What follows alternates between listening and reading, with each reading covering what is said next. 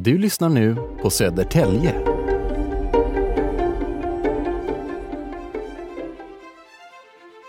Vid Malmsjöns sydligaste spets ligger mynningen till den mytomspunna Rysstunneln. Mörk, lockande och hemlighetsfull mitt i den frodiga grönskan. Som om den vore ingången till Bergakungens sal. Genom åren har den lockat generationer av spänningssökande Södertäljepojkar till underjordiska upptäcktsfärder. Den där tunneln, som enligt legenden grävdes av ryska krigsfångar under 1800-talets början. Men var går gränsen mellan berättelse och myt? Vad är sant och vad är saga?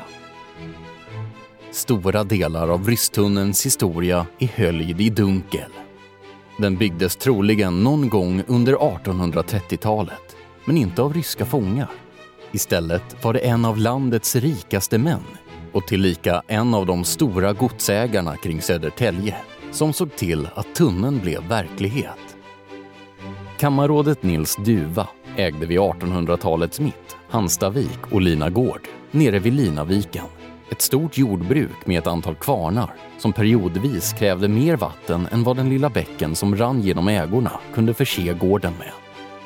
Vattenförsörjningen var således en återkommande huvudvärk för herr Duva.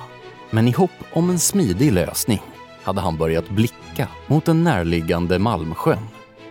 Två, tre kilometer bort, 50 meter över havet, en knapp kvadratkilometer till ytan och sju meter djup. På alla tänkbara sätt en lämplig vattenreservoar, konstaterade Duva. För nog skulle det gå att leda vatten från sjön till gården. Om det bara fanns en tunnel. 200 år tidigare hade samma tankebana nära på slutat i katastrof. Lina Gårds dåvarande ägare, Gustav II Adolfs hovapotekare, Kaspar Kenig, har insett potentialen i Malmsjön och gett sig i kast med ett tunnelprojekt hela vägen fram till gården. Men en viktig detalj glöms bort under arbetets gång. Det byggs aldrig någon dammlucka, så när tunneln är klar forsar vattnet ut och dränker markerna söder om sjön. Tunneln förstörs. Fiaskot är ett faktum.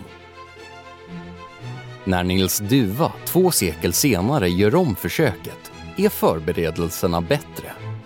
Den bästa muskelkraft Svea rike kan uppbåda anländer på beställning. Ett lag med starka arbetskarar från Dalarna. Tillsammans gräver de den 300 meter långa tunneln med valv av stora sprängstenar och golv av trä genom Enhörnaåsens sand och grus från Malmsjöns sydliga spets ner till bäcken ett hundratal meter från Enhörnavägen.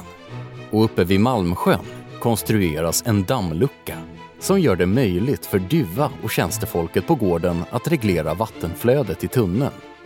Vattentillgången är säkrad och fiffige Duva har dessutom lyckats undvika en liknande översvämning som en viss apotekare en gång i tiden orsakade.